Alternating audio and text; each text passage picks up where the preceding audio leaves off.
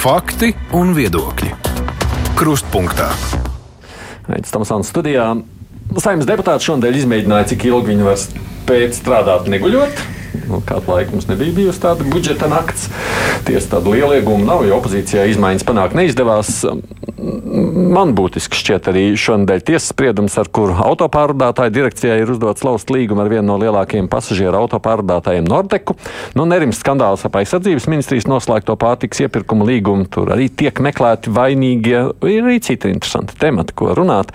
Kā jau piekdienās ar žurnālistiem mēs pārnājam nedēļas ziņas. Mums attālināts studijai pieslēgusies otra raidījuma vadītāja Māra Jansona. Sveika, tev, Māra! Sveiki, sveiki! Arī laikraksta brīvā Latvijas, brīvā Latvijas žurnālists Salija Benfelda mums ir pievienojusies. Sveika, Pasalija! Labdien! Nu, un savukārt studijā šeit ir brīvs, teikšu, brīvs žurnālists. Nē, nu, jā, žurnālists Remons Rudēts. Jā. Jā. Un Latvijas televīzijas raidījuma, kas notiek Latvijā, producenta Madara Friedrichsona. Labdien! Sveicināti! Ko saka par saimnes darbu naktī? Bija tā vērts? Par saimnes darbu naktī? Jā. Jā. Nu, Jā, jāteic, ka ne pirmo reizi esam jau budžeta gan. naktis mm -hmm. pēdējos šajā gadsimtā piedzīvojuši. Vai šis bija gadījums, kad vajadzēja raut naktī? Droši vien, ka nē. Bet eh, patiesībā jau tā naktis šobrīd mazliet aizēno to, ko vajadzētu runāt vai analizēt par saimnes darbu pie budžeta kopumā. Kopumā. Jo, protams, protams, uh, budžetu izstrādā valdība. Tā tas ir. Uh, Protams, protams, ka šoreiz, sakarā ar to, ka politiķi ļoti ilgi nespēja izveidot valdību, arī tā budžeta izstrāde ir diezgan nepiedodami ievilkusies. Tā tas ir. Jā. Tas, kas ir mazliet fenomenāli, ka uh, valdošās koalīcijas deputāti valsts budžetam iesniedza precīzi nulle priekšlikumus attiecībā uz šo gadu.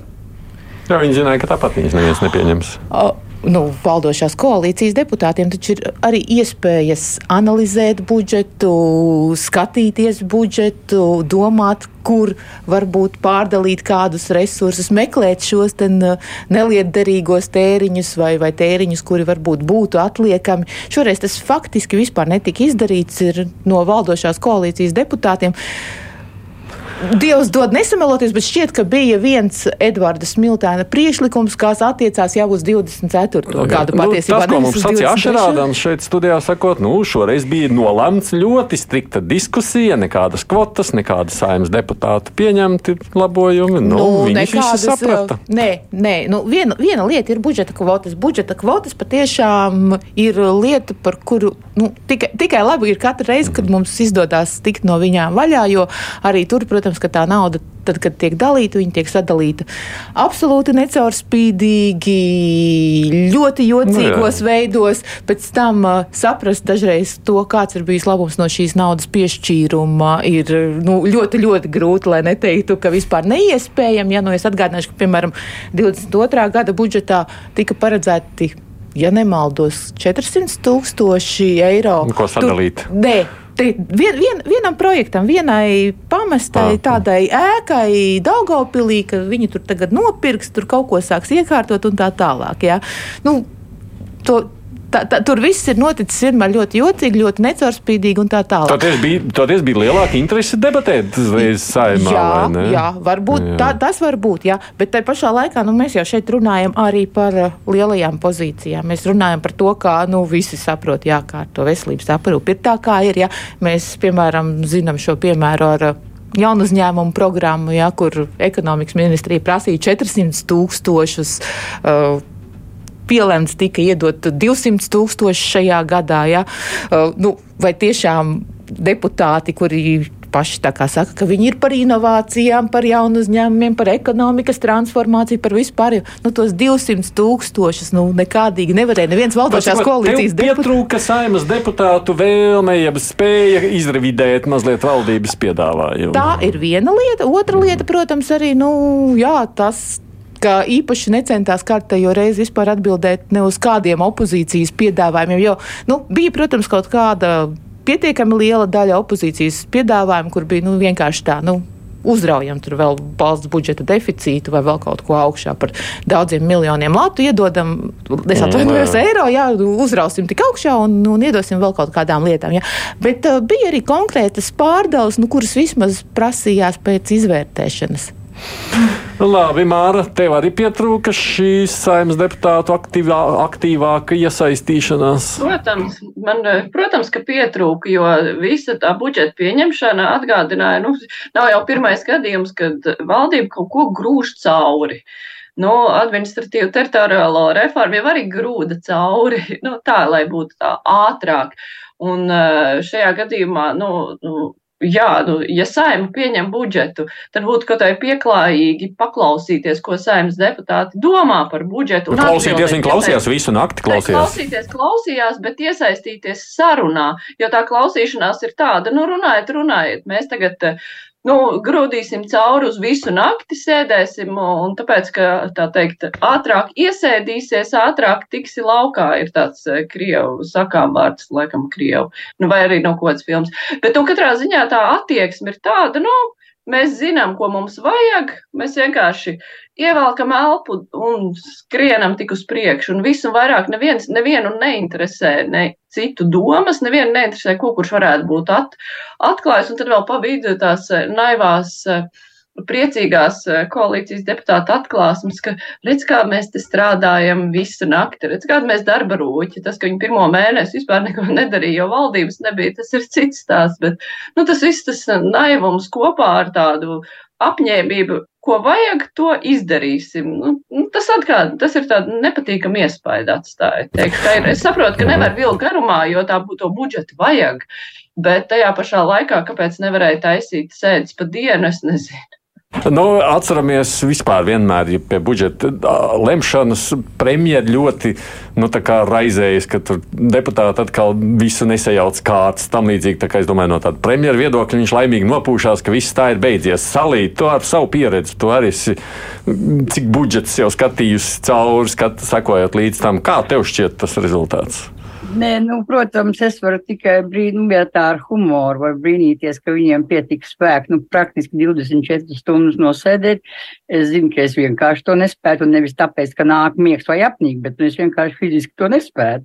Bet domā, to viņi spēja. Nu, viņi tur arī daži pasnauda, nebija jau tā. Jā, jā, bet, nu, principā, bet, uh, saproti, jautājums jau ir tikai viens ar visiem tiem priekšlikumiem. Tas, ko Mārta teica, ir taisnība. Ja? Labi iestudēt teātris izrādi, ir jāizdara tas, kas ir jāizdara un punkts. Mm, bet man tas lielais jautājums ir, nu, jo tagad jau tikai vēl jau būs visādas kritikas dažādi veidi un par dažādām nozarēm. Un tad man kā vienmēr tas naivais lielais jautājums, labi, es piekrītu, ka vajag vēl tur un tur un to, bet sakiet lūdzu, vai man kāds var pateikt, no kurienes ņemt to naudu, neatņemot kaut kam, kam tiešām arī to vajag. Un, protams, ja skatās kopumā, tad, manuprāt, vistraģiskākā situācija, tiešām traģiska, ir veselības nozarē. Un, un tur arī var runāt stundām, un to mēs nedarīsim, bet ir divas lietas, par kurām es neko nesaprotu. Nu, ir pilnīgi skaidrs, un par to ir daudz runāts arī radio, ka tā pieejamība veselības aprūpas pakalpojumiem ir mazinājusies, uh, un tas ir fakts. Piemēram, uh, nu jau dažas uh, lielās privātās klīnikas, pie, nu, kurās varēja pierakstīties uz pieņemšanu nedēļas laikā, apmēram. Nu, jau rindas ir mēneši un vairāk garumā. Ja? Tas vienkārši rāda to, ka cilvēkiem, nu, kuriem deg un kur nevar, nu, tad viņi kaut kā to naudu savāc. Bet um, jautājums ir par ģimenes ārstu to trešo palīgu, kas nozīmē, ka pieejamība vēl samazināsies vēl. Ja? Un jautājums ir, par to arī ir daudz runāts sabiedriskos medijos, arī mm, par to ēdināšanu, Jo, protams, nu, to, lai pašvaldības lemj, man gribētos saprast, vai visas pašvaldības to var atļauties. Un tad jāsaka, bija tāds nu, ļoti traģisks piemērs, mm, kas izskanēja Latvijas televīzijā, mm, kā nu, slimnīcās reģionos nereti nonāk veci ļaudis, seniori, kas dzīvo vieni paši un kur mēdz ļoti cītīgi maksāt rēķinus, un rezultātā ēšanai viņiem paliek ļoti maz. Un viena lieta, ka viņi sāsnās kādu slimību, bet otra lieta, ka viņi faktiski nonāk tur pusbadā un ļoti novārguši. Nu, tad ir ar to faktu, ka tā ēdināšanas jautājums nav atrisināts un par to atklāti un skaļi neskaidro neko, tikai saka, ka naudas trūkst. Nu, tad es atļaujos būt ļoti bezskaunīgi un jautāt, nu, ko tālāk, turpmāk šie eh, seniori nomira slimnīcā nevis no savām slimībām, bet no bada. Tāpēc, Nu, bet tas, ko tu uzbadā- saki, redzi, tagad salī, nu, būtībā tu saki, te ir tāda pretruna. No vienas Tā puses naudas pretruna. nav, bet vajadzētu jau vajag. Jā, un tāpēc es saku, ja varētu kāds saprotam, nu, nevis ar tām frāzēm, jā, jo, nu, ir skaidrs, mm, kā tās frāzes, kādas skan no pozīcijas un kādas no pozīcijas, nu, tas nav nekas jauns, nu, dienē. Bet man gribētos tādu dziļāku skaidrojumu, bet man gribētos viņu saprotam, jo tu saproti, nu, visi nav finansisti, visi nav ekonomisti un tā tālāk. Un tas nenotiek nekad un nevienā jautājumā. Paskaties dziļāk daudzos, daudzos jautājumos. Tas nenotiek. Tiek runāts vairāk vai mazāk ar frāzēm. Nu, jā, nē, tas ir saprotams. Budžets pats par sevi ir, nu, kā, nu, tas ir milzīgi paketi, vai ne? Un tas Protams. jautājums ir, kur tad to, nu, jā, nu, kā pārdalīt, kā, kā sadalīt, kā citādi pārdalīt, kā citādi Nē, nu, nodalīt. e, Salijai no vienas puses, nu, pamatot jautājums, kur tad, kur tad to naudu Nu, ņemt? nē, Jā, nu, mēs arī protams, dzirdējām, kā premjerministrs tur atskaņoja šo. Kur tad mēs ņemsim to naudu? Es ļoti atvainojos. Šis budžets ir ieplānots jau ar gandrīz divu miljardu deficītu. Jā. Jā. Uh, tie ir 11 miljardi. Eiro, kas ir ieplānoti izdevumos. Jā. Mhm. Principā tos izdevumus, ne, ne, es, es ļoti labi saprotu, tur, tur ir ministri, ir valdošās koalīcijas politiķi, kas saka, nē, nē, nu šitais jau tāds tehniskais budžets mums vairāk ir. Nu, tad kaut kad nākotnē, tad mēs tā kā revidēsim. Patiesībā tajā 11 miljardu rāmī tur pārbīdīt. Dažas desmitus miljonu vai dažas simtus miljonu. Ja? Nu, nu, patiesībā jau nav tā, ka būtu milzu tas vienmēr bijis sāpīgs. Tur redzi, ko tur vajadzēja citādi bīdīt, Raimond, kā vajadzēja ne tā, šādi vēl kaut kā. Bija interesanti, ka kolēģi Latvijas televīzijā panorāmā bija nozaru ekspertiem, organizāciju vadītājiem prasījuši, lai novērtē ar atzīmi. Mm. Un uh, mediķi, ja novērtē ar nulle balēm uh, šo budžetu, tad tas ir tomēr, nu, protams, vienmēr būs cilvēki neapmierināti un nekad jau nav tā, ka par budžetu fano arī šīs arotbiedrības un, un organizācijas, bet nu, nulle balles medicīnā, kas atceramies priekšvēlēšana debats. Katram bija teikuma galā, medicīna mūsu prioritāte, ja, tālāk izglītības ā, darbinieki novērtē ar trim ballēm budžetu, tātad divas nesekmīgas atzīmes. ā, Nu, jomās, kas katrai partijai debatēs un tādos vēl, nu, priekšvēlēšana program- programmās bija kā prioritārs, nu, tas vien jau kaut ko liecina. Un par to visu šo procesu arī uh, šoreiz ja, ja, mm, nu, bija ļoti skaidrs koalīcijas aprises ļoti laicīgi. Nu, nebija tāda parlamentārā krīze, kā tas bija pēc iepriekšējām saimnes vēlēšanām. Un, ja mēs budžeta pieņemšanu pamanamies aizstiept līdz marta sākumam, nu, tas ar kaut ko liecina par par, par to darba ētiku un, un darba kvalitāti. Un, un, un, un tās 22 stundas, nu, tas vispār turpat nav par ko Bet diskutēt. realtātē jau viss tā liekā nauda ir radot aizsardzībai, vai ne? Nu, tā, nu, Pagaidiet, nu, ko nozīmē pirmām kārtām vispār, kas ir jēdziens lieka nauda, jau otrām Nē, nu, kārtām, nu, ja kaut tu, kā ja tu, pusmiljards, ja tu, pas, ja tu paskaties, tas, jomā. uh, nē, tā, tā, tā nav lieka Nav. nauda. Nē, tā, es tā par nav- lieku. Es tā- domāju, tādā ziņā, nu, to papildus naudu, ko mēs tur sakām. Nē, vai ne? ne, papildus nauda arī ir tikusi dažādām citām lietām, nu, un tās jā. citās lietas. Protams, tur ir, ir kaut kāda nauda, kas ir atrasta papildus onkoloģijai, ir nauda, kas ir atrasta papildus šai garantētā minimālā ienākuma reformai, bet tur, piemēram, ir atrasts arī gandrīz pusmiljons eiro ekonomikas ministrijas ēkas uzturēšanai. Prioritāte, jā. Mums ir budžeta prioritāte ekonomikas ministrijas ēkas uzturēšana. Kāpēc viņiem dārgāk pusmiljons pēkšņi? Viņi pajautāja, viņiem iedeva, jā, tur ir atrasta nauda. Jau bēdīgi slavenajām, nu, it kā ļoti maza nauda, bet 106 tūkstoši. Ceļa zīmes latviešu un lībiešu valodā. Jā, nu, principā tas ir tas, bez kā šajā brīdī, ja mums te tūlīt būs ārkārtas sistēma stāvoklis medicīnā jāizsludina. Ja, nu, nevarēja Bet atlikt. nu, Prezidents pats, man liekas, bija pat atklāt vienu no šādām ceļu zīmēm. Tas jau iedod to, Mums tā, kā, mums tā kā ļoti vajag šo, jā, tur patiesībā es varētu atvērt datoru un saukt vienkārši jā, šīs brīnišķīgās visas lietas. Melnavas ko koledžas remonts, jā, zemkopības ministrijai atbalstītas divas prioritātes. Viņiem ļoti maz patiesībā ir atbalstīts. Viena no tām ir nu, nepilnīgi 400 tūkstoši Melnavas koledžas remontam. Nu, nu, vai tiešām būtu tā, ka tā Melnavas koledža tagad sabruktu? Nē, esmu bijis tur aizgājis. Nu, galīgi, jā, neiedot. Redziet, Salī ir atrast naudu Tā kā, kā mums, kā lai kā mums tas nepatiktu un lai kā mēs, kurš kritizētu vai vairāk vai mazāk premjeru. Tad, godīgi sakot, atkal es runā, varu runāt tikai par to, ko es zinu, un kā ikdienas lietotājs sacīsim tā. Tad tajā pašā veselības aprūpē tiešām tās reformas ir vajadzīgas. Cits jautājums vai liela daļa no um, teiksim, mediķiem to grib. Jo es tagad ne, nepārstāstīšu, nav vērts laiku tērēt, bet aizliegtajā paņēmienā bija ļoti laba analīze, piemēram, šiem te maksas un, un valsts pakalpojumiem un samaksām un tām naudām, ko cilvēks saņem. Ja? Jā, viņi saņem par reālu kvalifikāciju un par reālu darbu, neapšaubām. Bet tajā pat laikā vai viņiem ir īpaša vēlme kaut ko mainīt un labot. Bet tās reformas ir vajadzīgas. Es arī, protams, varbūt es nestrīdos, mm, es neesmu ekonomists, ka no miljardiem varbūt var dažus miljonus atrast. Bet pirmkārt, šie daži miljoni neko īpaši nemainīs. Otrkārt, reālā kārtība, nu, kā tas notiek, šī kārtošana pacientu pie, pie, pie ārstiem un tā tālāk, viņa ir tik brīžām un vietām aplama, ka tu domādams neizdomās, kā līdz tam var aizdomāties, jo tur varētu iet, iet, ietaupīt pirmkārt jau laiku, un otrām kārtām arī tomēr naudu. Ja? Tā kā tā reforma ir nepieciešama. Cits jautājums - 32 gadu laikā reforma nav izdevusies, jo patiesībā sākumā nesapratu un nezināju, piekrītu. Uh, Bet uh, vēlāk jau vienmēr ir bijušas ļoti lielas ietekmīgas grupas, kam tas nav vajadzīgs, kam ir labi. Nu, jā, un par tām reformām runājot, mēs jau pagājušajā piekdienā, kad Māra vadīja raidījumu, arī runājam pieņemsim to pašu izglītības sistēmu un skolotājiem, vai ne? Nu, ka skolotāji kaut kādā mērā šajā brīdī ir ķīlnieki. Ja? Nu, viņiem saka, vajag izglītības reformu sacīt, veikt vai ne? Reforma. Jā, nu, jā skolotīkla reforma, piedošana, jā.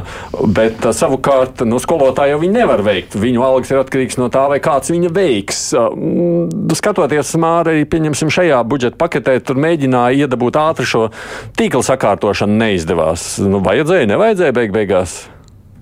Ne, nu, kā tīkla sakārtošana? Tā tīkla sakārtošana tas jau ir process, kas ir paralēli notiek, un tur eh, īsti nu, es, uz budžeta attiecas tikai jautājums par skolotāju algām. Tīkla sakārtošanu jau tur nevar nekādīgi ielikt. Bet, bet nu, mēģināja ja mēs... ielikt. Nu, Realtātē jau tur bija stāsts, vai ne, par šajā paketē ielikto stāsts, jā, Jā, bet tas, tomēr tas ir process, kas tiek veikts paralēli. Un tagad ministrija sāks atsevišķi taisīt tur jaunu karti, tur ir jau jauns sastāvs, kas piedalīsies kartas veidošanā. Tur tas process, man bija šodien diskusija, izskatās diezgan cerīgs, ka tas tur notiks. Tajā pašā laikā, ja mēs vēlkam paralēlis ar veselības aprūpi, tad, ja skolotājus sauc par ķilniekiem, lai gan droši vien arī ne visi skolotāji grib reformu, nu, teiksim tālu. Jo daudziem arī tas sagādās nērtības, un saprotami sagādās nērtības, jo viņam uz darbu būs jābrauc 50 km attālumā, tas arī nav īsti. Bet tās ir cita veida nērtības nekā mediķiem, kuri varbūt negrib zaudēt ienākums. Tad Medicīnas gadījumā ķīlnieks ir pacients, jo tas, ko Madara teica par nevēlēšanos atrast kaut kādus resursus krīzes stāvoklī, šajā gadījumā ir runa par nevis kaut kādu papildus naudu, es nezinu, lai nu, kaut ko uzlabotu, kaut kādu ēku vai ko.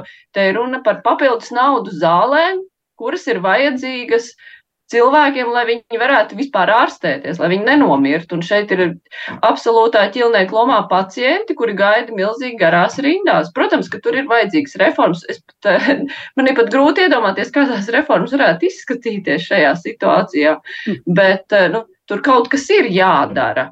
Bet skaidrs, ka nu, šajā budžetā kamēr tas pacients gaida tās savas zāles, nu, nu, nu, tev ir kaut kādas prioritātes jāsaliek, kur tu uzlabo kādam dzīvi un kur tu saglābi kādam dzīvi. Nē, nu par tām prioritātēm runājot. Es zinu, ka mēs par budžetu varētu visu stundu runāt, bet reiz naudā esam. Nu, viena lieta, kur man liekas, šajā ziņā man šī nedēļa mazliet likās interesanta. Oh, tur 200 miljoni šajā galā, un tur pat par 200 miljoniem šajā stāstā, vai neparādās tādi simtiem miljonu dīvainie notikumi, kas ir. Viens ir aizsardzības ministrija. Diezgan sens stāsts, bet viņš šķiet kļūst ar vienu, ar vienu, ar vienu izvērstāks. Ko jūs skatoties vispirms, nu, tīri politiski, opozīcija šajā nedēļā ir rosinājusi mūrniecis demisiju, sakot, ka aizsardzības ministrijai, ministrijai pašai ir, ir jāuzņemas arī atbildība. Ir pamats runāt par ministrs kaut eh, politisku atbildību šīs jaunās ministras. Ministra gan atnāca pie saklāta galda šajā gadījumā, cita lieta, ka paraksts ir paraksts. Ja, ja viņas paraksts tur ir, tad mm -hmm. nav tā, ka šīs runas ir bez pamata. Kopumā vispār tas stāsts ir, ir interesants kaut vai no tā, kā gan Garisona kungs argumentē, valsts sekretārs aizsardzības ministrijas, gan Pabrika kungs, bijušais ministrs. Nu, tur apmēram tā, ka, ka ārprāts mēs uzzinām no mēdījiem, mm. šādas lietas notiek mūsu vadīta organizācijā. Es paskatījos, Garisona kungs no 7. gada strādā aizsardzības ministrijā un iedomājies, tu cilvēkus labu, krietnu darbu dari 15 gadus, un vienā brīdī tavi kolēģi zem tevis pēkšņi tev pārsteidz. Viņi izšauja tādu 220 miljonu uh, ēdināšanas iepirkumu, ja, kur tu redzi jau no pirmā uzmetiena, ka tur tas ēdinātājs kā, nu, būs grūti tikt galā. Tad tur atklājās arī pārkāpumi uh, procedūrā. Man, man šis viss uztrauc, man liekas, vairāk pie tā, ka. Nu, tik bezgaumīgi to cenšas darīt. Nu, kādreiz tomēr centās slēpt vairāk, maskēt šādas lietas. Nu, šajā gadījumā mēģina dabūt ārā naudu, kuras pat nav budžetā. Nu, kā, jā, tas ir tāpat, tāds bezprecedenta gadījums. Mēģina nofenderēt to, kā nemaz nav budžetā. Nu, nu, tas man visvairāk šeit uztrauc. Jā, Ko jūs sakāt? Taču aizsardzībai tagad būs tā nauda, un tā nauda jau arī tāpat ies iepirkumos. Jā. Mm -hmm. uh, Nu, man liekas, es būtu lielākā liekula pasaulē, ja pēc uh, visa tā, ko mēs 2020. gadā pusgadu pētījām par Covid iepirkumiem, kurus arī lielā mērā īstenoja tieši aizsardzības ministrija un uh, pēc tā, kā mēs redzējām, kā viņi spēja atbildēt uz jautājumiem, vai, nu, precīzāk sakot, nespēja atbildēt uz jautājumiem. Pēc tā, ko, starp citu, arī valsts kontrole tur pirmajā šajā revīzijā, ko, kur viņi sāka revidēt šos Covid iepirkumus, jā, jau secināja, ka tur nu, par cimdiem pārmaksājam, par šo pārmaksājam, ārkārtas situāciju lieliski izmantojam, neve, neveicam tās parastās iepirkuma procedūras. Nu, man teikt, ka es esmu tagad šausmīgi pārsteigta, ka aizsardzības sektorā kaut kas tāds varēja notikt. Nu, nu, es būtu, man liekas, tiešām lielākā liekula pasaulē tādā gadījumā. Nu, diemžēl ir tā, ka tajā aizsardzības ministrijā, jeb šajā bijušais Vamoits, jeb militāro iepirkumu centrs, tagad uh, ar skaisto vārdu valits, ja, uh, ar tiem iepirkumiem kaut kā tā kā īsti skaisti nevedās. Un, uh, un ministri tur pastāvīgi kaut ko nezina. Un, uh, un viņiem arī tajos brīžos, kad viņiem, piemēram, izrādās, ka nu, kāds piegādātājs nav tā bijis tāds, tāds īsta labs, ja, kas, piemēram, Covid iepirkumos bija šī sl bēdīgi slavenā firma Taitled, kur nezinu, pavasarī bija skaidrs, ka ar šo iepirkumu tā kā nu, šis piegādātājs ir ļoti, ļoti dīvains. Jā, uh, valdība tur īpaši pieņem kaut kā no viņiem respirators, tāpēc ka respiratoru nav un gan jau viss būs labi. Ja beigās tas viss ir jāatcauc, pēc tam paiet gads, izrādās, ka no tā piegādātāji, nu, tā nauda vēl aizvien tā kā nav iedzīta. Ja? Un kas bija pats interesantākais patiesībā šajā Forbes uh, diskusija, uh, šajā Forbes materiālā, kas nu, izraisīja visu šo diskusiju un pievērsa uzmanību šim 220 miljonu darījumam. Ja? Tur viņš ir papildināts ar tādu skaistu, garu, sazarotu schēmu. Ja? Pēkšņi kaut kāda zināma saistība uzzīmējās starp zītari šo firmu, kur ir dabūjusi šo aizsardzības iepirkumu, mēdināšanas iepirkumu, un tiem vecajiem tur masku un respiratoru tādu jocīgo mm. piegādātājiem. Nu, nu, varbūt, ka sagadīšanās, jā, bet. Uh, mm. Šī ir viena no tām sagadīšanām pēdiņās, ja, par ko Mārs Mičerevskis runāja intervijā klubs, un, un tur jau bija, jau, nu, nu, labi, varam diskutēt par to, kāda ir bijusi aiziešana viņam no partijas attīstībai par, bet uh, viņš jau tad izgaismoja, uh, kā tiek, kā ir ticis viņu vārdiem runājot beidzot svinēts Covid sākums, jo būs masku iepirkums. Ja? Un, un nu, caur kādu prizmu tā partija un tā principā politiķa paudze nu, skatās uz lietām. Nu, tagad es tikai varu atsaukt atmiņā, ka šāda intervija jau pirms pāris mēnešiem bija. Viņi principā paslīdēja mazliet garām tādiem, tādiem portāla atreferējiem pēc tam. Nu jā, un iedomājieties, mums taču tagad būs aizsardzībā, aizsardzības jomā, mums būs iepirkumi par simtiem miljonu. Tā ir viena lieta. Otrām kārtām, viena daļa no šiem, šis ēdināšanas iepirkums, jocīgais ēdināšanas iepirkums, jo nu, es vispār nevaru iedomāties pie konkursa dialoga, kas ir nu, tāda patiesībā īpaša tāda iepirkuma procedūra, kāpēc kādam varēja ienākt prātā, pieaicināt. Uh, tieši šo mazo, mazo niecīgo firmu, neņemot vērā to, ka viņi pirms kaut kādiem tur 11 uh, gadiem gandrīz ir pieaicināti vienreiz arī startēt konkursā uz sēmu sēdināšanu. Jā. Mm. Nu, nu, nu, Turklāt kā... iepirkuma komisijā bija pabrika biroja uh, pārstāvs.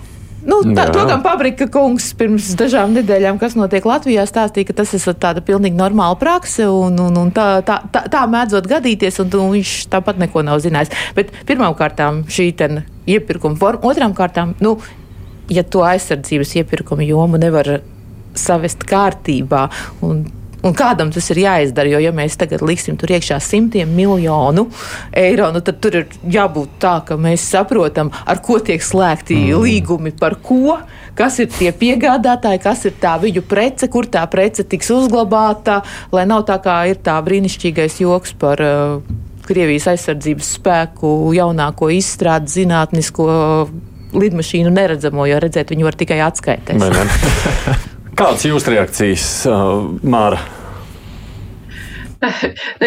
Kolēģi jau daudz, daudz arī pateica, man arī nu, šajā stāstā es abrīnoju sliktā vārda nozīmē uh, to iecietību, kas ir pret uh, uzņēmumiem, kuri nu, es pieļauju, ka jau no laika gala ir redzams, kur nespējas izpildīt savas saistības, kas, starp citu, sasaucas ar tavu nākamo autobusu tematu, jo tur jau arī runa par uzņēmumu, kurš nevar izpildīt savas saistības, bet braši piedalās konkursā.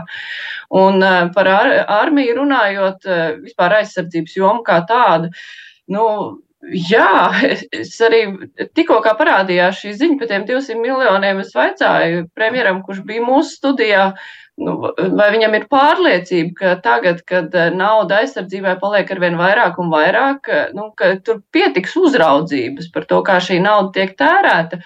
Un viņš eh, minēja, ka nu, jā, nu, viņš ir uzticoties institūcijām, kuras par to atbild, un arī izmeklējošai žurnālistikai, kurai ir, man liekas, vismazākās iespējas tur tikt klāt. Bet nu, man personīgi tas neradīja pārliecību, ka tur patiešām, patiešām pietiek tās visu redzošās acis, kā arī vēlmes no visiem, visām personām, kas ir iesaistītas, vēlme padarīt šo procesu uzticamu. Jo šis konkurss, uh, nu, mēs jau nezinām droši vien visas detaļas, bet Nu, jau tā paklausoties vien, ka nav prasīts, lai uzņēmums, pirmkārt, uzņēmums pats nesot zinājis, par kādu summu tur ir runa. Tas nozīmē, ka viņš nevar pat pateikt, vai viņš varēs nodrošināt to visu. Tas, ka viņš grib glabāt šos krājumus pie ražotāja, tas ir to atbildību pārcelt uz ražotāju, tas viss izskatās tik šausmīgi absurdi, ka liekas, nu, bet eh, vai tiešām tajā konkursa laikā to visu nerunāja, to neredzēja, kā, kā vispār tas konkurss ir izpaudies un kādi tur ir bijuši noteikumi, un tas izskatās tik šausmīgi tādiem baltiem diegiem šūts, ka pilnīgi bail paliek par to, stabi, nu, par to, kā visi pārējie procesi notiek. Konkursa dialogs izpaužas tā, ka iepirkējs, jeb līguma slēdzējs uzaicina tos pretendentus, kuri viņa prāt kaut kādu iemeslu dēļ kvalificējas šim uh, iepirkumam spētu to nodrošināt. Nu, tagad kādam aizsardzības ministrijā ir licies, ka tieši šis zītari rojas vidusskolas ēdinātājs tur noteikti kvalificēs. Man politisks aizkulisēs faktiski dzird paši politiķi sakām, ka nu, šis ir tāds um, notikums, kurš nav bijis kopš 90. gada sākuma. Tāds uh, nebijis uh, būtībā mēģinājums tikt pie vajadzīgās naudas.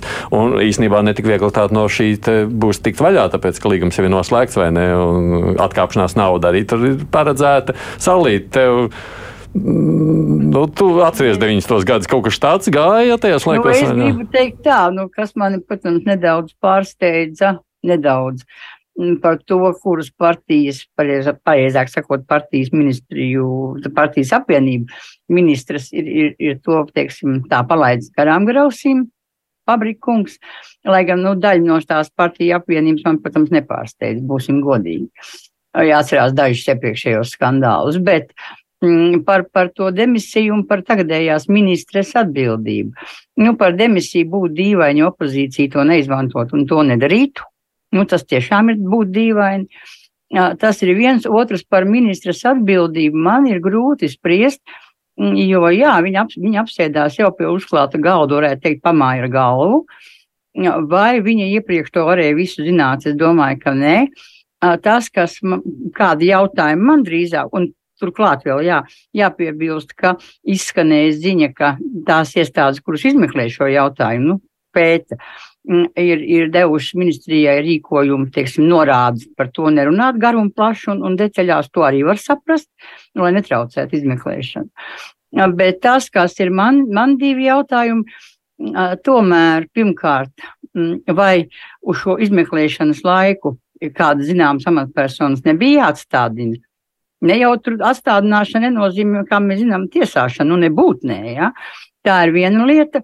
Otra lieta, saprotot gan to, ka ministra īpaši daudz par to runāt nevar, viņai tajā jaunajā amatā tās runas vispār ir tik vispārīgas, un, un neko nepasakošas, ka es ik pa brīdim, teiksim, esmu pārsteigts par to, nu, daļ, tukšo daļrunību. Mm, un, un, un es saprotu, ka iepriekšējā amatā tas, nu, ir vairāk vai mazāk skaidrs, ko var teikt un kas ir jāsaka. Bet vai šī gadījumā jānodarbojas ar daļrunību, kur neko nepasaka, tas vēl ir jautājums. Un īsi vēl pavisam, nu, protams, ka ministrija nu, demisija šī iemesla dēļ būtu jocīga. Ja? Mm. Jo, nu, tas nav, nav viņas vai ne. Jautājums tad bija vēl, kamēr tas Alīs sacīja, ka ir jau kāda tur atstādināta. Jā, tas ir. Konferencē pat ministra teica, citējuši precīzi virkne. Amatpersonu ir atstādināta. Un tas arī ir noslēpums, Tad, kur ir tā virkne. Salīprasts noslēpums? Nav, laikam, nosaukt vārdā vai nosaukt. Nē, tos nenosaukt. nenosaukt. Nē, nu labi. Es pieļauju varbūtību, ka vispār aizsardzības ministrija vienmēr strādājas slepnības. Viņas pieradusi, ka tā to var vai ne. Tur ir grūti patrast. Man liekas, ka mums arī vajadzētu sākt meklēt.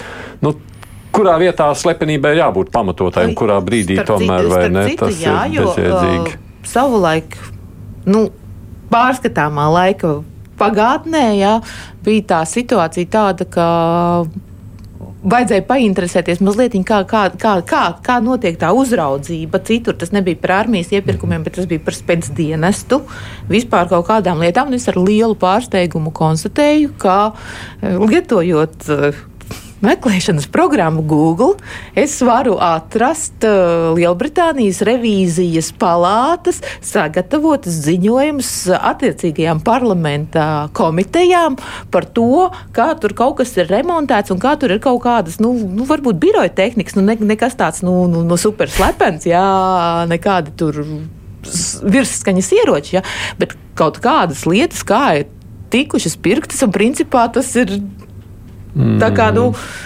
Lielbritānija tomēr ir kodola lielvalsts, jā, un izrādās, jā, ka viņiem tā atklātība var būt kaut kādās pozīcijās lielāka nekā mums, jā, kur mēs pat nezinām, jā, cik uh, darbinieku satversmes aizsardzības birojā, piemēram, strādā. Jā, nu, tur varēja uzzināt ne tikai darbinieks, tur varēja arī uzzināt, cik viņiem ir tie printeri nopirkti. Nu, šis ir jautājums, ko arī īstenībā mēs varētu vispirms tā aicināt jaunu aizsardzības ministru. Nu, tad domājam arī mazliet par lielāku atklātību, jo ir lietas, kur pilnīgi noteikti var, un to mēs, nu, to jau arī rāda visa pasaules praksa, gan tavs pieminētā Liel Lielbritānija un ne tikai. Bet es, es saprotu, ka šis temats, man liekas, vēl, vēl tikai attīstīsies. Mēs par šo dzirdēsim. Es tā ļoti arī ceru, jo šis nav tik ļoti vienkāršs skandāliņš, kurš tā varētu tik viegli norimt. Atgādini, šeit ir mums Salība Benfeld, Mārija Ansona, Raimunds Rudzāts un Madara Friedrichsona, kas komentē šīs nedēļas notikumus. Raidījums Krustpunktā. Pieminētais jau mazliet nākošais 200 miljonu stāsts attiecībā uz autotransporta direkciju uzlikto pienākumu laust vērt šādu vērtu līgumu šoreiz ar pasažieru autopārdātāju Nordeka. Mums vispār kaut kas tāds Latvijas vēsturē ir bijis ar tādu līdzīgu tiesas spriedumu. Nenāk man atmiņā prātā, vai ne? Tā kā tāds precedents. Līdzīgu lielu nē. Man Droši vien, ka autotransporta direkcija cerams, ka tiesas spriedumu respektēs, uh, pildīs. Man, gan, protams, ir mazliet neskaidrs, kas tur tālāk tad, uh, notiek. Notiks. Par to mēs arī parunāsim caurī. Nu, pieņemsim, cēsu pusi. Tā ir tās gals, kur Nordikai bija jābrauc uz to pusi, un tur viņi arī nebrauc, vai ne?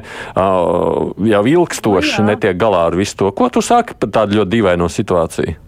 Nē, nu, redzi, ja runā par CS pusi, ne tikai, protams, par CS pusi, te ir gan cata, Jā, kas ir vietējais vidzemes uzņēmums. Kas, kas turpina Nordeka. tagad darīt to, ko Nordeka nav jā, izdarījusi? Jā, tad dara to, ko nav izdarījusi Nordeka. Nē, redzi, man liekas, ka ar tiem auto pārvadātājiem ir mazliet līdzīgi, kā bija ar, nu, bet tās ir tikai analoģijas. Es nevaru teikt, ka ir. Man šķiet, ka ir līdzīgi, kā bija ar būvnieku karteli kuru, protams, tagad asti piespiedi, kā saka, jā, un, un, un ar viņiem, nu, sacīsim tā, viņiem tagad ir daudz grūtāk darīt tā vienotā frontē rīkoties tā, kā viņi visu laiku ir rīkojušies. Un patiesībā sakot, savukārt ar tiem transportniekiem ir tieši tas pats. Jo, nu, kā iedomājies, pietiekami liela firma, kurai tas nu, braucienu maršruts ir pietiekami plašā, plašā teritorijā. Nu, viņi skaisti runā, viņi skaisti apsola, nu, kā tu nedosi, ja, ja viņi ir līdz šim teiksim, braukuši. Ir kādi kā lielajā, tiešām zināmi un braukuši. Liela, liela tā ir, jo viņi jau braukā ne tikai uz CS pusē, jo, piemēram, tad, kad es, ja es esmu autoostā Rīgā, ja es nebraucu ar vilcienu, ja, nu, es taču redzu tos Nordikas autobusus, vai ne? Bet, Salī, bet eh, vai tev ir ziņas, tas ir tas pats iepirkums, eh, kur arī kartelis bija atklāts eh, konkurences padoms, vai tas pārklājās? Jo tas, ka viņi nevarēja nodrošināt, tas aizgāja ļoti plaši, bet Jā. tas pēdējais pēdējais konkurences padomas atklājums par karteli, tur jau arī Nordeka bija taču iesaistīta. Nu, jā, nu, tieši Un vai tā. Tur runa tāpēc... ir par to pašu maršrutu, par to pašu iepirkumu? Nu, tad to maršrutu es neesmu skatījies, bet es gribu teikt par to principu, jo saprot, te parādās, mēs pieminējām 90. gadus, kur, protams, bija vēt, vētraini, teiksim tā.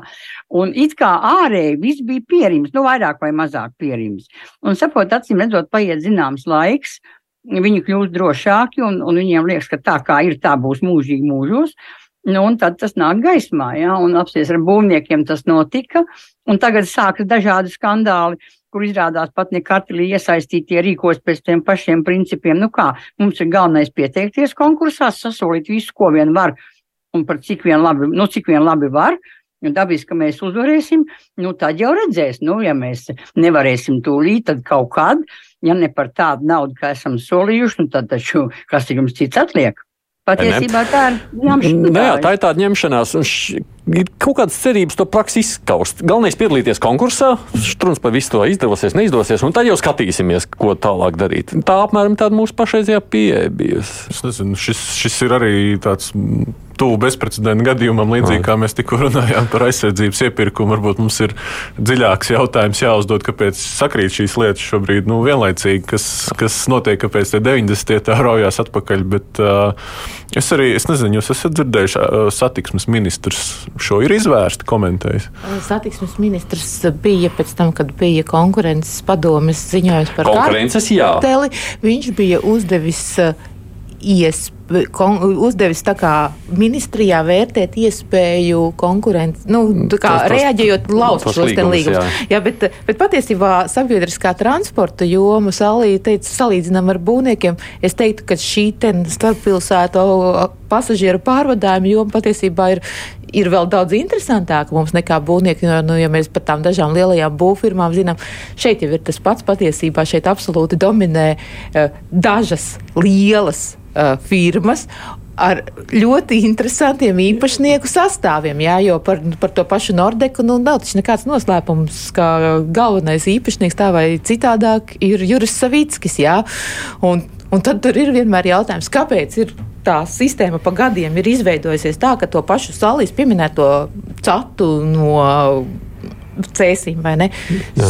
Viņi taču ir gadu gadiem klie... uz... Jā, nē, bet viņi ir arī gadu gadiem periodiski. Uh, klieguši, cēluši trauksmi par to, ka kaut kas šajā visā tirgu un tajā, kā mm. šīs lotes tiek dalītas, izsolītas, uh, nav labi. Jā. Uh, pirms pāris gadiem gana skaļi igauņi pārvadātāji, ja, kur būtu labprāt vēlējušies nākt iekšā šajā tirgu un radīt varbūt lielāku to konkurenci, jo konkurence šajā tirgu mums ir uh, salīdzinoši neliela, un savukārt uh, peļņa lai arī varbūt ne milzīga peļņa, bet viņi ir garantēti. Jo mums jo valsts, ir, valsts, valsts jā, jo mums ir, Eiro, mums, jo mums ir Eiropas Savienības normatīvie akti, kas saka, tas, ko viņi pazaudē, jā, ieskaitot vēl tur kaut kādu peļņas mm. daļu, tas ir valsts budžeta dotācija. Jā, jā, valsts, val, tā ir valsts garantēta nauda. Protams, tādā ziņā tas ir bezgalīgi, bet pats par sevi taisnība ir tāds tiesas spriedums, kurš liek autotransporta direkcijai tagad lauzt līgumu, tas ir interesants moments. Nu, kas nozīmē, ka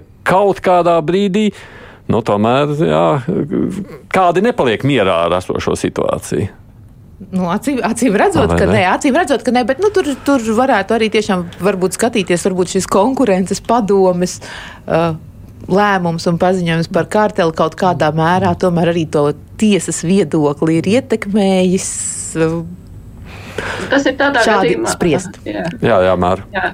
Nē, tas, nē, tas būtu ļoti interesanti, ja runa būtu tieši par to pašu izsoli, par kuru, nu, par kuru ir tas konkrēts, ka viņi ir vislepeni vienojušies, lai iegūtu maršrutu, kur nemaz nevar izpildīt.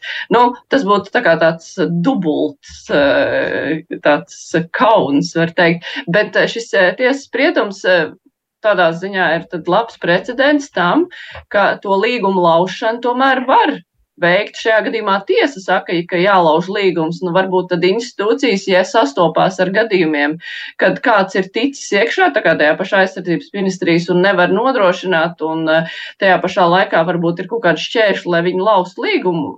Tad nu, šajā gadījumā tas uzreiz paver iespējas tai līguma laušanai lielākas. Tādā ziņā, ka tas tomēr būtu labs tiesas precedents, ko mēs esam nu, jā, lai redzējuši šodien. ieviestu, lai ieviestu kārtību šeit, jo tāpēc bieži vien saka, mēs nevaram laust līgumu, tāpēc, lai arī viņš ir slikts, bet eh, mēs nevaram laust līgumu. Šajā gadījumā, nu, ja redz, pat tiesa redz, ka tur tie pārkāpumi, protams, salīdzinoši viņam arī nebija, nu, tā, ka tur, nu, viņi vienkārši nenodrošināja maršrutus, pēc tam nodrošināja, bet tiesa teica, nu, nē. Nē, viņi jau pēc tam Tomēr atne- Jums ir jāpilda. Viņi jau īsti nenodrošināja. Tur bija tā, tad, tad viņiem bija jānodrošina. Viņi tur pusgadu nevarēja, pa- ļāva pagarināt, satai pagāja nākamais pusgads, un atkal viņi teica, ka viņi atkal nevar. Nu, un tad kādā brīdī Jā, tad jā. sūdzējās tiesā un sacīja, nu, klaušīs, sniedz. Jā, bet mums pati, patiesībā jau mums ir diezgan daudz. Dažādās jomās bijuši šie iepirkumi tieši tādi, Nu ja, jā. vai, vai tas līguma izpildes ir bijušas tieši tādas. Jā, paskatieties, mums taču arī jau no Rīgas teātra, cik gadus vai ne, nevarēja, nevarēja viens būvnieks uzbūvēt, pēc tam tagad nevar cits būvnieks uzbūvēt. Nu, nekādi. Šo tiesas precedentus vajag vairāk mums. Mums vajag šādu tiesas precedentus. Ir vēl viens temats, ko es gribu noteikti paspēt šodien pārunāt, un tas ir jautājums par sportu. Uzreiz Raimons skatīšos, man viņš tomēr liekas ka zinošākais šajā jomā. O, Bet pats par sevi arī īstenībā ļoti cilvēcisks. Man liekas, ka gan izvēl katram ir ko sacīt šajā sāgā. Nu, runa par apturēto finansējumu sportistiem, kas piedalās sacensībās ar Krievijas vai Baltkrievijas pārstāvjiem. Vajadzēja remontu apturēt šo finansējumu vai nē vispirms? Nu, šī ir ļoti īpatnēja situācija, jo no vienas puses nu, cenšamies solidarizēties ar Ukraiņiem, pieņemot lielākus ierobežojumus un sankcijas, kā ir pieņēmuši paši Ukraiņi. Jo Ukraiņiem nav liekts šajās pašās sacensībās startēt, mm. un viņi arī startē. Tad nu, sanāk tādi visādi kāzus, kā piemēram mūsu Jeļenas Ostapenko situācija, kur dubultspēlē spēlē kopā ar Ukrainieti. Un tagad viņai iet, uh, iesaldē finansējumu par to, ka nu, zemtekstā viņa nav pietiekami laikam lojāla šajās. Turklāt sporta likumu nepārkāpjot. Ja, te ir vēl jāatzīmē, ka sporta likums liedz sportistiem startēt sacensībās Krievijā un Baltkrievijā, bet, bet neliedz startēt tādās sacensībās, kur vēl tiek šie sportisti nu, pielaisti zem neitrāla karoga. Un, ja, ja konkrēti par tenisa vidi, tur tomēr daži no pašiem skaļākajiem Putina opozicionāriem Krievijā spēlē. Un tad sanāk, mēs gribam uh, sodīt uh, sportisti ar, ar nu, principā nenozīmīgu finansiālu piešķirtu, ko viņi saņem. Tas ir vairāk attieksmes jautājums. Mēs gribam sodīt savus sportistus par, par to, ka viņi nepārkāp mūsu likumus, ka viņi startē turpat, kur startē Ukrāņu sportisti, pat startē kopā ar Ukrāņu sportistiem. Nu, tas ir ļoti, ļoti saudabīgi. Riteņbraukšanas gadījumā, piemēram, tie sportisti nevar nemaz citādi kvalificēties Olimpiskajām spēlēm, un arī viņi nonāk zem sankciju sarakstu, bet uh, viss sākās Madara ar jūsu raidījumu. Un, ja ne, nebūtu, sanāk, jū, tā, ja nebūtu jūsu raidījuma, Anda Čakš šo ideju izmetusi, tad, tad tas viss nebūtu šīs aprises iegūs. Jā, tā, tā, tā laikam sanāk, ka tieši kas notiek Latvijā, nu jau mē, pir, pirms mēneša šī doma pirmo reizi izskanēja. Toreiz diskusija bija par uh, šo starptautiskās olimpiskās komitejas uh, noslēgšanos pielaist patiesībā lielā skaitā Krievijas un Baltkrievijas sportisti. Līdz ar to, nu, ja Raimons saka, ka riteņbraucēji citādi nevar kvalificēties, mēs jau patiesībā vēl nezinām, vai mēs vispār tajā olimpiādē piedalīsimies. gan Jā, jo, jo, kā zināms, Latvijas Olimpiskā komiteja un atlētu komi, komiteja, Komisija, ko, jā, jā. komisija, viņi ir tā kā bijuši diezgan stingri šajā ten pozīcijā, ka ja tur Būs. Zem jebkāda karoga būs Krievijas un Baltkrievijas sportisti, tad Latvijas sportistu tur nebūs. Nu, par finansiālajām sekām. Tādā ziņā un... visu cieņu Olimpiskajai komitejai mēs tiešām esam, kā Latvijas Olimpiskā komiteja, parādījusi stingrāk nostāju šajā jautājumā, kā tie, tieši par dalību potenciālu vai ne, nepiedalīšanos Olimpijādē nekā mūsu kaimiņi uh, Leiši Igauņi, bet, bet nu jau mēs, manuprāt, šaujam pāri pa strīpu, pieņemot stingrāks ierobežojums, kā ir pieņēmusi pati Ukraina. Turklāt Ukrainas riteņbraukšanas federācija atsūtīja oficiālu vēstuli adresētu izglītības ministrijai un adresētu Latvijas Olimpiskajai komitejai. Lūdzu, nedariet šo, ko jūs mm. tikko izdarījāt. Ja? Tas jau bija jau divas nedēļas atpakaļ, un par spīti. Jā, es gan pieļauju, ka, teiksim, Aļona Sostāpenko gadījumā tur tie tūkstoši ar kaut ko nedaudz eiro ir, tā... ir ļoti, ļoti maz Jā. riteņbraucējiem, varbūt drusciņi, drusciņi nu, proporcionāli pret, vi, pret viņu to sporta tām summām, kas riteņbraukšanā vispār gro, grozās. Ja? Varbūt tas ir mazliet, mazliet sāpīgāk, bet, nu, principā arī tās ir. Nu, sakot, tas ir tāds simbolisks. Tas jā, ir tāds simbolisks, simbolisks, bet nepo, nepatīkams žests, protams. Mm, Salī? Nē, nu es patiesībā sakot, es uzreiz varu atzīties, ka sports nu reiz ir tā joma, kurā es zinu tikai to, ka ir sports un atšķiru dažus sporta veidus no dažiem. Bet tas, kas mani gan pārsteidz, ka ministre necentās tajā jautājumā iedziļināties, jo pat es, kur ne, no sporta nesaprotu vispār neko, esmu pamanījis, ka Ostapenko spēlē pāri ar ukrainieti. Ja? Tā kā nu, tas ir dīvaini. Bet nebija jau, stā, jā, bet nebija jau stāsts tikai par Ostapenko, it kā runa par principu māra. Nu, jā, nē, nu, redz, šajā gadījumā tas, eh, es arī esmu ļoti tālu no sporta, bet eh, runājot par principiem, tas ir, man liekas, kārtējais gadījums, ka tiek pieņems lēmums, eh, kurš baigs, nu, forši un kārtīgi izklausās, jo mēs taču visi saprotam, ka mēs olimpiādē negribam būt olimpiskajās spēlēs, negribam būt kopā ar krieviem, mēs parādām savu stingro nostāju. Tas viss ir skaidrs un tas viss ir ļoti pareizi. Bet uh, ministrei jau nu vajadzētu iedziļināties tajās mhm. sporta dzīves niansēs un uh, to, kā kurš spēj kvalificēties, kurām spēlēm, jo tāpēc, ka sportista karjera tā nav tāda pati karjera, kā, es nezinu, citai profesijai, un viņiem ir svarīgas tās sacensības, viņiem ir svarīgi treniņi, un eh, vispārējais, un to nevar kā neņemt vērā, un žēl, ka šeit tāpat kā daudzās citās, citajos smukajos lēmumos netiek ņemt vērā šīs nianses, ko te kādas sekas tas atstās uz eh, arī šī lēmuma izpildi, kādas sekas tās atstās uz mūsu sportistu karjerām, varbūt viņas izbeigsies. Un, starp citu, šeit tajā kontekstā, tur aizgāja arī diskusija par valsts finansējumu Krievijas pilsoņiem, ka runa bija par bērniem, kuri mācās mūsu sporta skolās. Es dzirdēju sižetu, un, un man pēkšņi atnāca atmiņā, ka pirms dažiem gadiem mēs sveicām un rādījām daudzus sižetus par Krievijas pilsoņiem, kuri bija pēc 14. gada atbēguši uz Latviju, kuri centās integrēties, gāja skolās, un mēs rādījām viņus, kā redz, kā viņi nesamierinās un brauc uz šejieni. Un tagad to pašu cilvēku bērnus tagad ne, neļaus viņiem mācīties Latvijas sporta skolās, piemēram. Nu, tas, eh, tas viss kaut kā notiek zem tā ar vienu rokas vēzienu, mēs aizslaukam visu, nepainteresējoties, ko tas katram īsti nozīmē. Jo tas princips jau tās deklarācijas ir ļoti labas. Mēs Olimpiādē nestāti, Olimpiskajās spēlēs neejam kopā ar Krievijas, Baltkrievijas sportistiem, bet nu tālāk tur jau vajag mazliet iedziļināties tajā visā.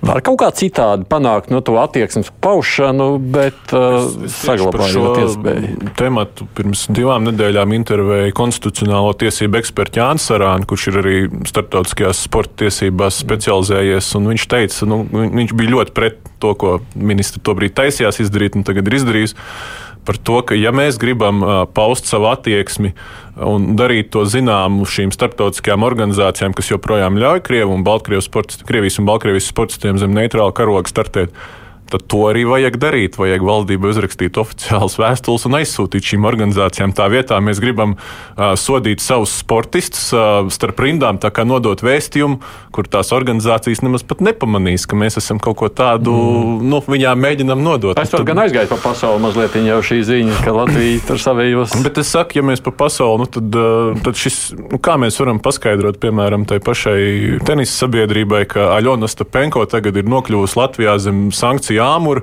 par to, ka viņi spēlē kopā ar Kičenoku. Ja? Un, piemēram, var gadīties, ka spēlēs pret Dariju Kasatkinu, pret Putinu, nu, vienu no skaļākajiem opozicionāriem pat vēl pirms kara sākuma. Ja? Nu, kā tas tieši mm. izskatās, ko mēs esam panākuši ar šo? Nu, no otras puses, ir jau, protams, tas stāsts, un tu noteikti man neļaus sameloties, ka uh, augstas klases sportisti, tie, kas ir sevišķi tie, kuri nedzīvo vairs kaut kādā valstī, arī politiski iemeslu dēļ, piemēram, viņi jau ir tādi, kurus valsts arī diezgan labprāt uz īpašiem noteikumiem, ar īpašiem likumiem pat kādreiz naturalizēja. Un ļauj viņiem šo pilsonību nomainīt. Jā, jo, piemēram, arī tieši gatavojoties tam mm -hmm. raidījumam, ko Raimons pieminēja, uh, bija Lietu, Lietuvā, bija jā, cits starpā medijos stāsts, ja pie viņiem dzīvo olimpiskā čempiona peldēšanā. Uh, no Baltkrievijas. Jā, viņa dzīvo tur kopš 20. gada. Jā, viņa principā ir. Ies, ie, tur vispār, laikam, Baltkrievija, cik es saprotu, vispār aizmuguriski notiesāta, mm -hmm. cik tur jau gadiem cietumā. Jā. Nu, faktiski tas ir variants. Jā. Ja lietuvieši tomēr, piemēram, piedalās Olimpiskajās spēlēs, Viņi saprot, mums ir cilvēks, kurš ir augsts klases sportists, ja, kurš tādēļ, ka viņš ir Baltkrievijas pilsonis, nevar piedalīties. Viņi principā šim cilvēkam var piedāvāt arī šo kā iespēju. Ja. Nu, nu, protams, vienmēr izklausās smieklīgi, ja mazliet, ka tur uh, kādam hokeistam vai futbolistam ļoti ātri piešķirtās pilsonības par tiem īpašajiem nopelniem. Kā, bet, ja. bet, nu, veids, tā tas ir. Madara Cidriksona no Latvijas televīzijas, Remons Rudzāts, mans kolēģis, tāpat tās Mārija Ansona attālināti pieslēgusies, un arī Salija Benfeld no Brīvās Latvijas. Paldies! Jums. Man vienkārši ir beigās garāks sakāmais, tāpēc uh, atvainojos, ka tā uh, par tādu kodolīgu runāšanu nesanāk. Pagājušā raidījumā, ko Māra vadīja, uh, tad, kad mēs bijām atceries Māra, mums bija runa arī savulaik par laikraksta dienu, publicēto interviju ar valsts ieņēmumu dienestu savulaik darbinieci Inīt Lūri. Man tur bija minēts, ka vidi tiek veidots pasūtījuma lietas. Un, Tad intervētājs bija secinājis, ka savulaik arī Latvijas lapsas un Jurģa liepnieka mājās veiktā kratīšana varētu būt speciāli pasūtīta. Nu, runājot arī par to, es citu starpā šajā redzījumā sacīju, nu, kāpēc tam kas tad ir sekojis pēc šīs intervijas publicēšanas, es tur redzu divu aizdomās turamo tādu izmisīgu cīņu censties sev attaisnot. Pēc šī raidījuma Latvijas raidījuma ir saņēmis vēstuli no Latvijas lapses, un tajā viņš uzskata, ka es esmu paudzis nepatiesas ziņas, ka viņam ir krimināla procesā aizdomās turētā status, nu, ka man šīs ziņas ir jāatsauc un viņam jāatvainojas.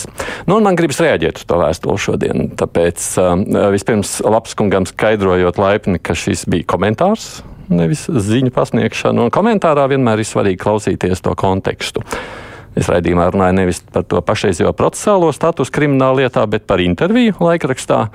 Un tur teikto saistīto ar 21. gadā veiktajām kratīšanām.